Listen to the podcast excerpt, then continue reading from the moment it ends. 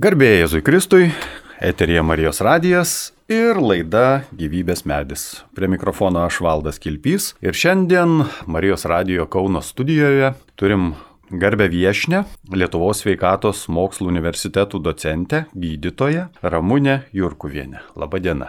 Labadiena. Ir šiandien mūsų tema tarsi ir girdėta, bet kita vertus, ko gero tai yra tema, apie kurią mes galim kalbėti nepaliaujamai. Tad manau, iš tiesų kalbėti apie tai reikia, kad žmonės susidarytų tam tikrą nuomonę, kas ir kur ir, ir panašiai. Ir jūs, gerbiama gydytoja, vis tiek e, šituos reikalus išmanot gerokai geriau, rimčiau ir įvairia pusiškiau. Tad aš tiesiog nieko nelaukdamas ir kreipiuosi į jūs. Kaip jūs bendrai regit situaciją dėl Stambulo konvencijos? Ar jinai stumiama, ar mes čia turėtumėm jos labai laukti? Kokia ta bendra situacija, vis tiek tas visas kontekstas, ar ne? Dėkuoju, kad pakvietėt į šią laidą ir dar tokiu giliu pavadinimu gyvybės medis. Taip, ši Stambulo konvencija yra susijusi su e, gyvybės problemom. Vaisingumas turbūt yra vienas iš didžiausių dovanų, iš tikrųjų.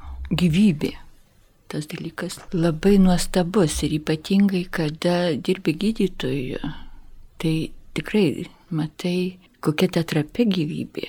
Viena vertus ir kokia jinai yra galinga, antra vertus. Reiškia, ne vieną kartą teko palydėti į kitą pasaulį žmogų ir tu matai, kaip ta gyvybė silpsta, silpsta, dar yra visi organai, viskas vyksta. Ir vis tik tai tu matai, kaip ta gyvybė palengva išeina Ir kas tai yra ta gyvybė?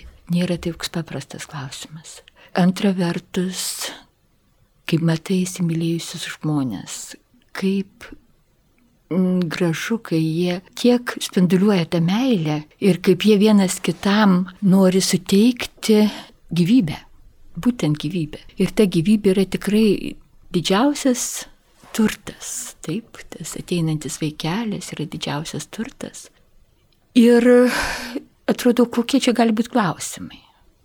Ir vis tik tai šita konvencija, jie keisinasi į gyvybę. Ir labai užmaskuotai keisinasi. Yra toks labai tokia atrodytų nežymiai pateikta frazė.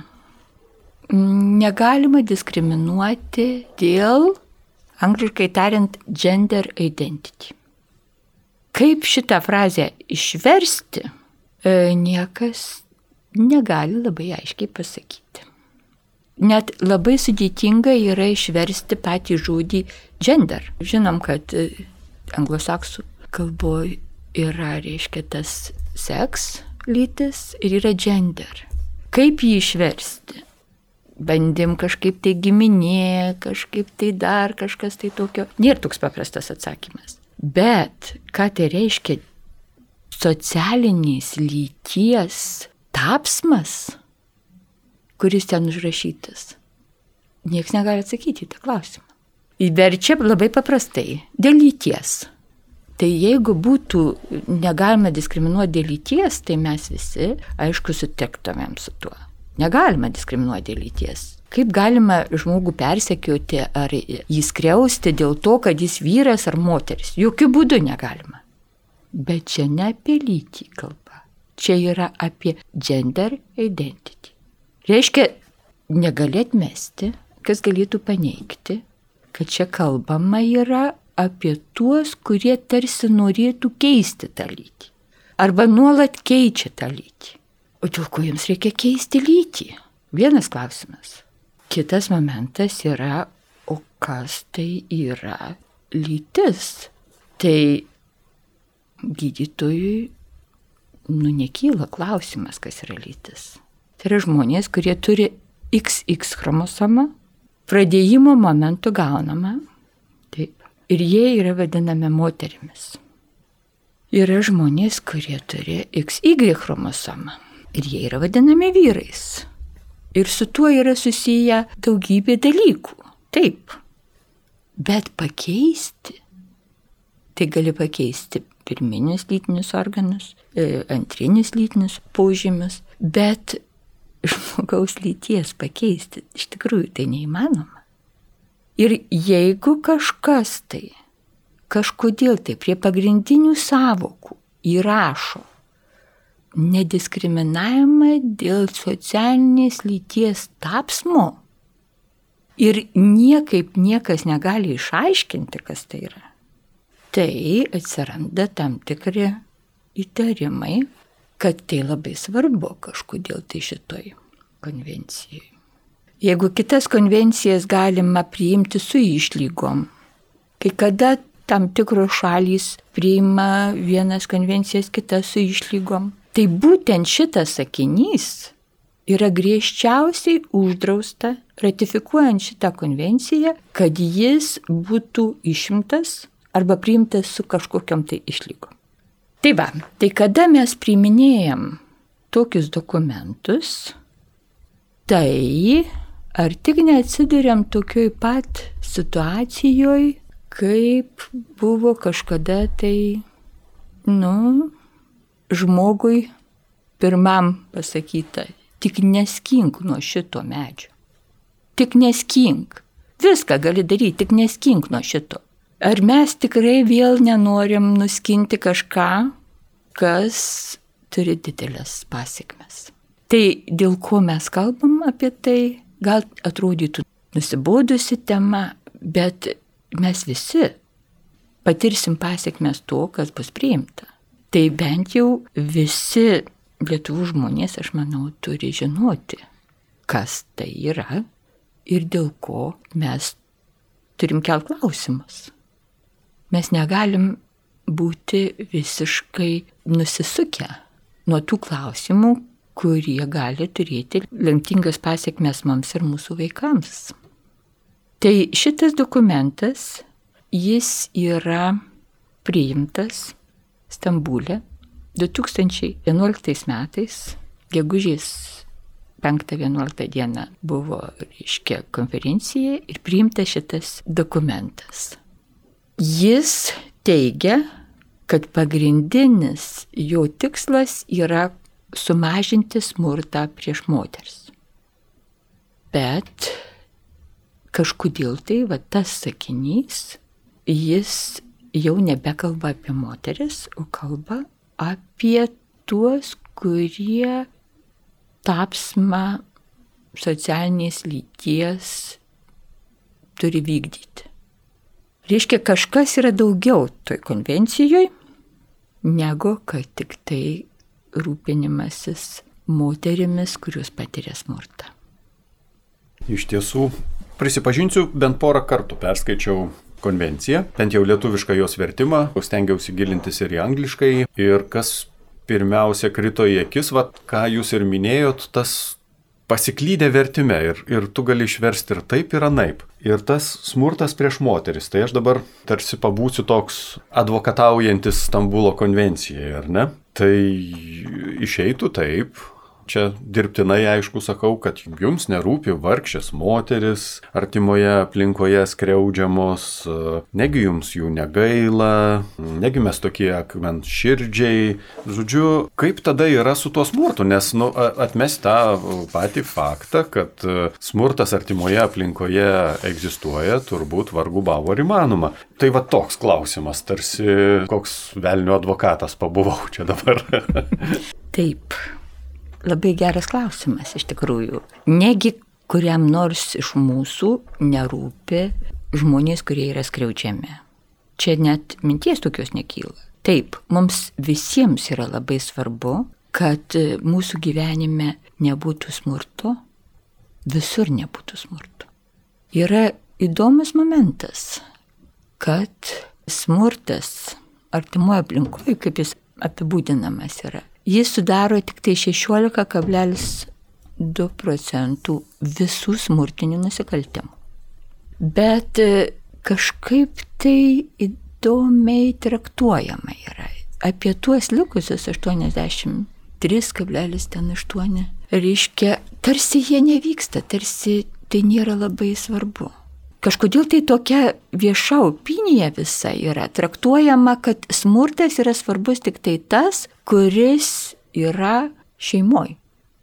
aš perskaičiau programą Laisvės partijos ir tik tai dviejose vietose radau šeimos savoką. Tai vienas iš tų savokų, e, kada paminėta šeima, tai buvo smurtas šeimoje. Nors mes įstatymą turim smurtas artimoje aplinkoje. Todėl, kad e, ten daug visokių yra galimybių, ne tik tai, kaip čia pasakyti, ką tai reiškia šeimoje. Tai yra tiesiog artima aplinka tarp giminaičių, broliai sesės, tai dabar jie priklauso brandoliniai šeimai, nepriklauso, reiškia ir taip toliau, ir taip toliau. Anūkai prieš mučiutes, dar visokių, nu yra daugybė visokių artimoje aplinkoje smurto formų. Tai va, tai vienas momentas, kad kada man teko, kaip po pagrindiniam darbė dirbant, pasižiūrėti, kokie skaičiai yra, pavyzdžiui, kada atvežami į prieimimą sužaloti žmonės dėl santykių viens su kitu.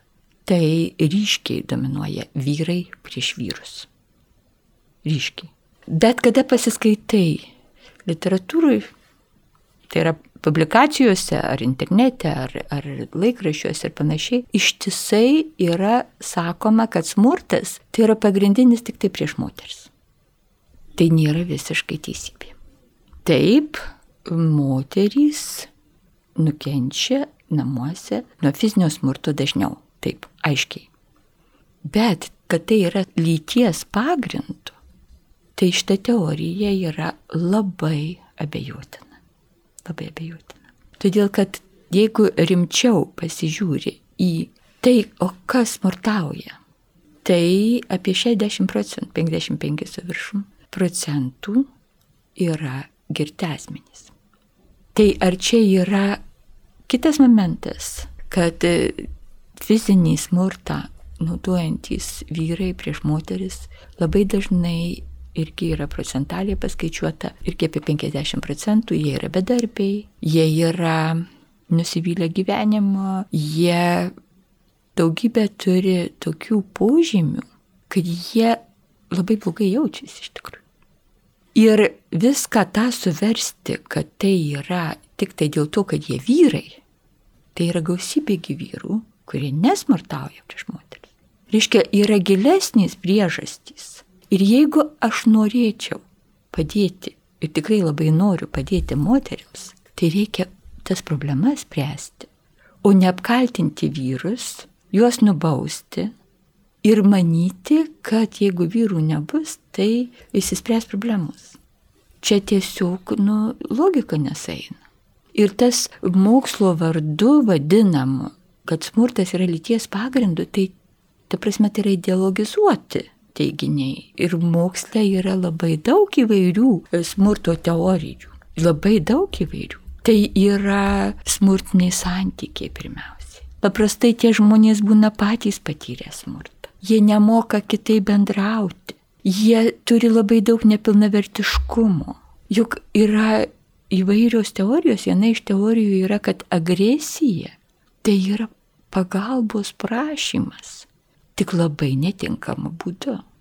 Ir kada žmonės šitaip žiūri, tai jie ne į vyrą ar į moterį žiūri, bet jie žiūri, kaip tą problemą spręsti. Ir aš labai daug kartų esu susidūrus, kai žmonės e, labai agresyviai nusiteikia dėl to, kad jie niekada nėra patyrę meilės.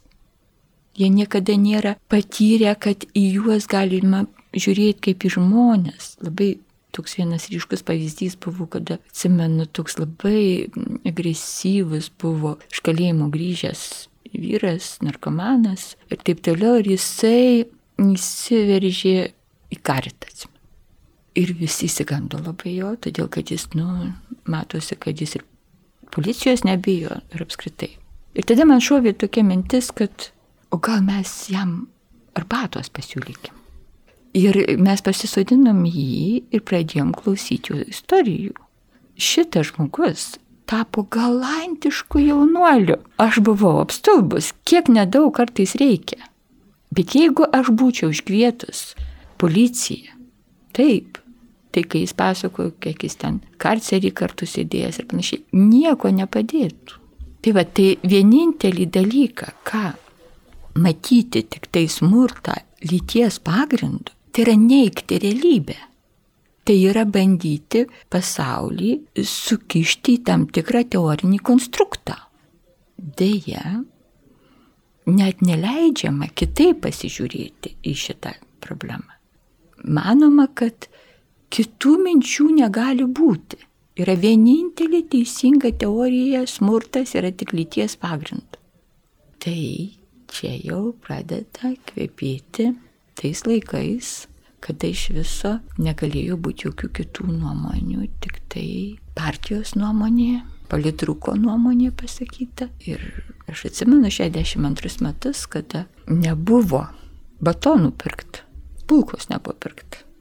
Ir aš nespratau, kodėl nėra tos pulkos. O pasirodo buvo kukurūzų vajus. Todėl, kad kažkas, sakydamas, kad yra mokslinis pagrindas, liepė Lietuvoje vietoj kviečių sudinti kukurūzus. Man atrodo, kad daugelis iš klausytojų tą prisimena laiką.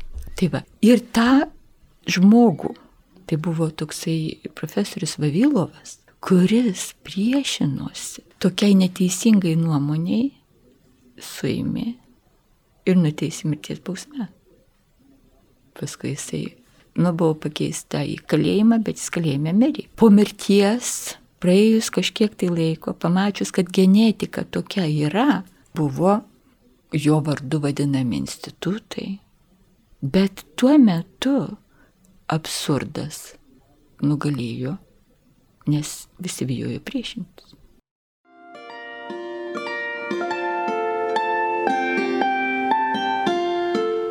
Jūs girdite Marijos radiją.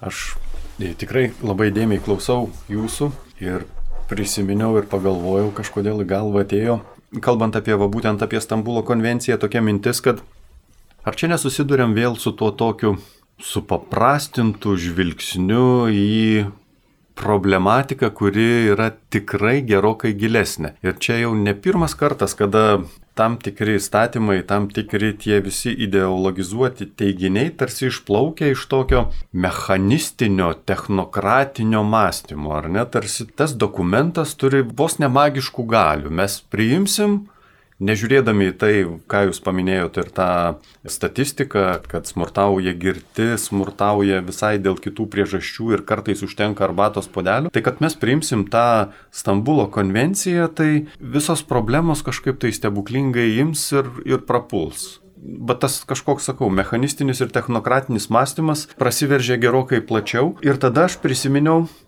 dar vieną įstatymą, kurį skaičiau prieš e, ruoždamasis e, šitai laidai. Tai yra būtent jau egzistuojantis ir Lietuvos jurisprudencijoje veikiantis, gal ne visai gerai veikiantis, bet smurto artimoje aplinkoje įstatymas. Tai dabar tarsi ir savęs, ir jūsų tuo pat metu klausiu, tai kam mums dar viena konvencija, kuri pataisykite jeigu klystu, realiai juk kartoja smurto artimoje aplinkoje įstatymo nuostatas. Aš pritariu Jums labai geros išvalgos dėl to, kad e, kaip tik tuo metu, kada Stambulo konvencija buvo priimta, 11 metais Lietuvoje buvo priimtas ir įsigaliojo apsaugos nuo smurto artimoje aplinkoje įstatymas. Jis iš principo irgi daug kur rėmėsi tokiam, pritariu jums, reiškia, neieškoma, kaip sumažinti to smurto, bet faktiškai tik tai pagrindinis dalykas - įgazinti ir nubausti smurtautoją.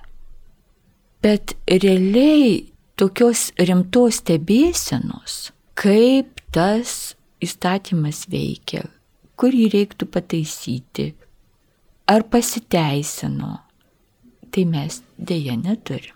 Dažniausiai tokie klausimai, kurie kyla, bet jie vengiami atsakyti. Pavyzdžiui, net ir toks dalykas, kad, pavyzdžiui, pagal šitą įstatymą, apsaugos nuo smurto artimoje aplinkoje įstatymą, yra įkurti tokie specializuoti pagalbos centrai. Ir tie specializuoti pagalbos centrai per visą Respubliką dengia visą Lietuvos teritoriją. Jie turėtų būti e, skirti tam, kad smurtą patyrusi moteris gautų pagalbą. Reiškia tada, kada policija atvažiuoja įvykus smurto atveju, ji palieka žinutę tokią, kad bus perduotas tas atvejis specializuotam pagalbos centrui ir specializuotų pagalbos centro žmonės susisieks su smurtauka. E, teko atlikti tyrimą ir apklausti žmonės, kiek jiems skambino šito dalyko. Deja, tie žmonės, su kuriais teko interviu imti, sakė, kad niekas neskambino. Nu, gal tiesiog pasitaikė man tokie žmonės, kuriems neskambino. Bet klausimas iškyla. Tai jeigu mes norime imti dar griežtesnį teisės aktą, tai mes turim pasižiūrėti, kaip veikia arba dėl ko neveikia, kuriuo vietoj veikia, kuriuo vietoj neveikia šitas teisės aktas. Deja, jokių pastangų šitoj srity nėra.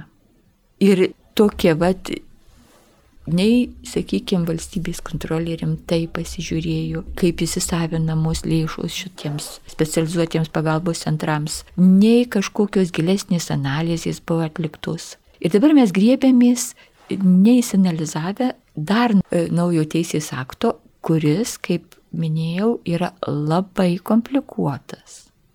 Labai komplikuotas. Ir labai didelė tikimybė, net jeigu mes visus krikščioniškumus atmestumėm, net jeigu atmestumėm, tai mes labai sudėtingą savo užduotį užsineriam, kaip sakyti, tam tikrą kilpą ant kaklo, nes pavyzdžiui, pagal šitą vat konvenciją, jeigu mes kalbam apie tai, kad e, jokių būdų negalima diskriminuoti dėl tos socialinės lyties tapsmo, keitimuose. Tai dabar jeigu, sakykime, moteris nori pasikeisti į vyrą ir ji yra mušama vyro, kuris pasikeitė į moterį. Tai dabar jūs man paaiškinkite, tai čia yra smurtas prieš moterį ar nėra to smurto prieš moterį. Ir, nu, tai yra, įsivaizduojate, kokius kalambūrus mes patenkam. Nu, čia yra kažkas baisaus iš tikrųjų. Tai dabar šalyje, kur gausybė problemų, kur mes neturim namų slaugos išvystytos, kur žmonių kiek vienišų guli ir niekas nega, nu, nėra sistemos, kad suparaližavo ir kur juos padėti kur juos slaugys, neužtenka slaugos, neužtenka priežiūros, neužtenka daugybės dalykų. Ką ten kalbėti, masė paauglių neturi užimtumo visiškai. Yra gausybė problemų. Kuo mes užseimam? Pagrindinis klausimas tampa ar pakeitus lytį, kaip ten spręsti galimos diskriminacijos atvejus. Ir tai vyksta mūsų krašte. Ar mes norim to?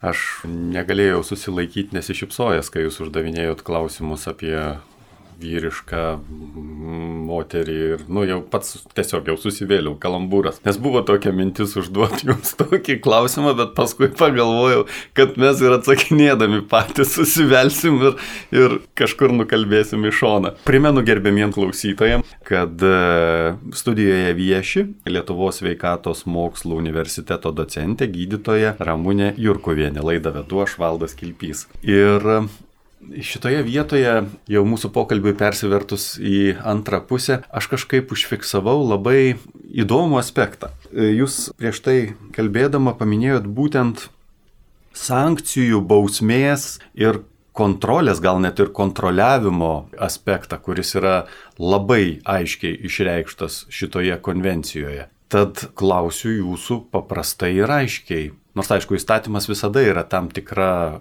prievarta žmonių atžvilgių, ar ne? Nu, gal ne prievarta, bet e, vis tiek sankcijos. Tam jo, ta, tam tikros ribų nu, nubrėžimas. Tada aš klausiu jūsų, kaip katalikas, tai ko verta šita konvencija, jeigu jinai yra praktiškai pastatyta ant prievartos pagrindų? Taip, ji yra labai antikrikščioniška. Antikrikščioniška dėl to, kad krikščionybė jinai skelbia meilę ir jinai priima žmogų kaip netobulą, bet nuolat tobulėjantį, nuolat besikeičiantį. Ir man buvo labai įdomu, skaityti visiškai mokslinę knygą, Hanarent, reiškia tokia, reiškia jinai pasakius yra, kad įvairios inovacijos, įvairūs nauji dalykai ir vystimas yra įmanomas tik tai dėl to, kad Kristus atrado atleidimą. Reiškia, tai va tas atleidimo dalykas, jis yra ypatingos svarbos. Todėl, kad tada žmogus gali bandyti ieškoti, gali klysti ir iš klaidos mokytis. Ir jis gauna atleidimą. Santykiuose, kai ypatingai šeimoje tarp vyro ir moters, tai to atleidimo reikia tiek daug. Todėl, kad formuojasi nauja šeima. Nauja gyvybė gali būti tokioje atmosferoje, kada viens kitam geranoriški yra ir kada atleidžia. Atleidžia netobulumus, atleidžia klaidas, atleidžia įvairius nepasisekimus, slystelėjimus galų gale. Ir kas yra užkoduota šitoj konvencijoje, kad negalima atleisti vyrui, kuris smurtavo. Ir negalima susitaikyti. Reiškia, yra pagrindinė mintis, kad jeigu jau prasidės smurtas, tai praktiškai ten yra visokios sankcijos, visokios priemonės, jis yra kaltas, jis yra taip toliau, taip toliau. Aš nesakau, kad reikia atleisti smurtą, ne, nesakau. Bet, kaip čia pasakyti, neturim susitaikyti su smurtu. Taip, šitai yra, tai yra labai grėsmingi dalykai ir juos reikia šalinti problemas, kurios tą daro. Bet antra vertus, suteikti šansą žmogui keistis, tobulėti, atsiprašyti, iš naujo pradėti gyvenimą. Tai yra krikščionybės pagrindas. Ir jeigu kažkas jokių būdų neleidžia jokio susitaikymo, tai reiškia yra iš principų ne tą kryptim, kaip krikščionybė einama. Kitas momentas yra, kad labai prieš prigimtį eina. Ir daugybę metų mes jau, kas jau kas, bet jau mes, Tarybų sąjungos gyventojai, tai tikrai esam patyrę tuos visokius socialinius eksperimentus. Ir kur visą laiką norėda buvo, vat, ne taip, kaip pasaulis darosi, bet priešingai padaryti atsimenu tokia daina būdavo, mes reiškia viską darom, kad upės keičia vagas.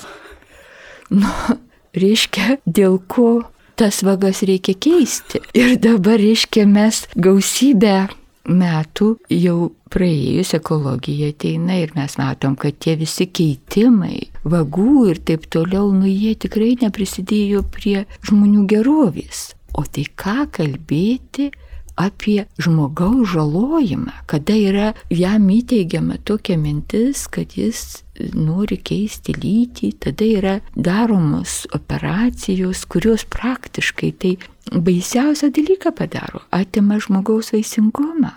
Galimybė. Kas yra baisiausias dalykas, kad šitie žmonės, dažniausiai jie turi tam tikrus sutrikimus, praėjus keliem mėnesiam jie nori, kad vėl atkeistų. Ir to jau nebepadarys niekas. Tai dabar propaguoti ir privalomai propaguoti tokį požiūrį, nu, tikrai tai nėra krikščioniška. Ir dar kitas momentas, lendam į šeimą, į šeimos santykius. Juk pakankamai dažnas reikalas, kad moteriškiai zyzė, zyzė, o tai aš atsimenu kunigo Zdebskio rekolekcijas, kada jis labai aiškiai sakydavo, moterys turi vienus ginklus, Vyrai turi kitus ginklus. Ir negali, jeigu vieną palaikai, jau prieš kitų ginklus užsimerki, nu tai yra iškreiptas pasaulis. Ir vieni turi tobulinti savo bendravimą. Savo moteris labai dažnai naudoja psichologinį smurtą. Jūs zyzėt, priekaištauja, mato tik tai, ką vyras nepadarė, o ne ką padarė. Va, vyrai neužsikentė, aš jų neginu, Taip, aš nepripažįstu jokių būdų, kad šitas yra būdas e, spręsti problemas. Jie naudoja primityvesnį fizinį smurtą. Bet ir vienas, ir kitas, jis tikrai nėra tas, kurį krikščionybė palaiko, jokių būdų, bet tik tai sprendimus kitokius mato. Ir kitaip mato mažinimą to smurto. Supaprastintas požiūris į aplinką. Tiesiog dar ir dar kartą išlenda tas toks mechanistinis, technokratinis mąstymas. O prisiminiau, nežinau autoriaus dabar, paminėjot poezijos ištraukėlę ir man į galvą šovė tokia poetinis nukrypimas, kad pasaulį naują pastatysim, kas buvo nieks, tas taps viskuo. Čia iš internacionalo, mes mintinai mokėmės. Pirmin mergaina žemintieji. Taip, ir, ir va tas yra iš tikrųjų labai pavojingas dalykas, va toks požiūris, netgi toks požiūris, kada mes norim visą sistemą pakeisti. Mano disertacija yra iš socialinių inovacijų.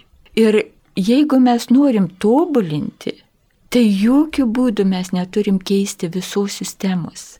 Jau ne vieną kartą įsitikinom istoriškai, kad kai norim keisti iš pagrindų, tada mes sukeliam labai didelį pyktį, labai didelę agresiją ir ką naujo statom, tai paprastai nieko geriau neišeina. Tai užtat jeigu mes matom, ką reikia keisti, tai mes turim labai gerai įsinalizuoti, labai gerai įsiaiškinti, va šitoj ir šitoj srity, pabandžius nedideliai vietoj ir pasižiūrėjus, kad tikrai va, mūsų variantas yra geresnis, tai tada mes galim kažką keisti. Bet jokių būdų nedaryti to per prievartą. Jokių būdų nedaryti tai visuotinai, neklausant tų žmonių, kurie sako, palaukit, pažiūrėkit, dar yra kiti aspektai.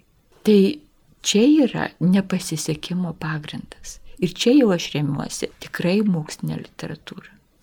Mūsų pokalbis e, jau nepaliaujamai eina į pabaigą ir nesinori, kad e, jisai baigtųsi taip beviltiškai. Kokie jūsų palinkėjimai, gerbiama docentė? Ką mes galėtumėm kaip krikščionis padaryti, kad tas toks, net nežinau, nesinori kalbėti net ir apie tą Stambulo konvenciją, bet kad tas toks supaprastintas mechanistinis požiūris, kuo mažiau jo būtų mūsų aplinkoje? Aš manau, pirmiausiai tai mes turime jaustis orūs ir lygiaverčiai žmonės. Man įsiminė eilėraščių tokia eilutė, sako, kasgi atsitiko Jozapota, kad tu kampininkė savo namuose likai. Tai mes neturime būti kampininkai savo namuose, savo valstybei, savo šaly. Mes lygiaverčiai piliečiai, turintys savo nuomonę ir mes neturėtumėm pasiduoti, kad mums smegenis plautų. Tam tikra grupelė suinteresuotų žmonių, kurie turi kažkokius tai siaurus interesus. Tai pirmiausiai. Iški pirmiausia, mes turim įsitikinti, suprasti, logiškai išmastyti ir kitiem paaiškinti. Tai aš manau, kad tada mes apskritai turim būti savo šalies piliečiai. Antra vertus, jeigu kažkas tai irgi mato panašiai, žmonės šalia mūsų, mes turim juos ir palaikyti, ir sustiprinti, ir galbūt išreikšti savo požiūrį viešai. Kągi, gerbiami Marijos radio klausytojai, nepraraskime sveiko proto, tikrai nieko geresnio negu gerbiama gydytoja, aš čia jau net ir pridėti negaliu, tik primenu jums, kad šiandien Kauno Marijos radio studijoje viešėjo Lietuvos sveikatos mokslo universiteto docentė, gydytoja Ramūnė Jurkuvienė. Laidą vedžiau aš, Valdas Kilpys, su Dievu.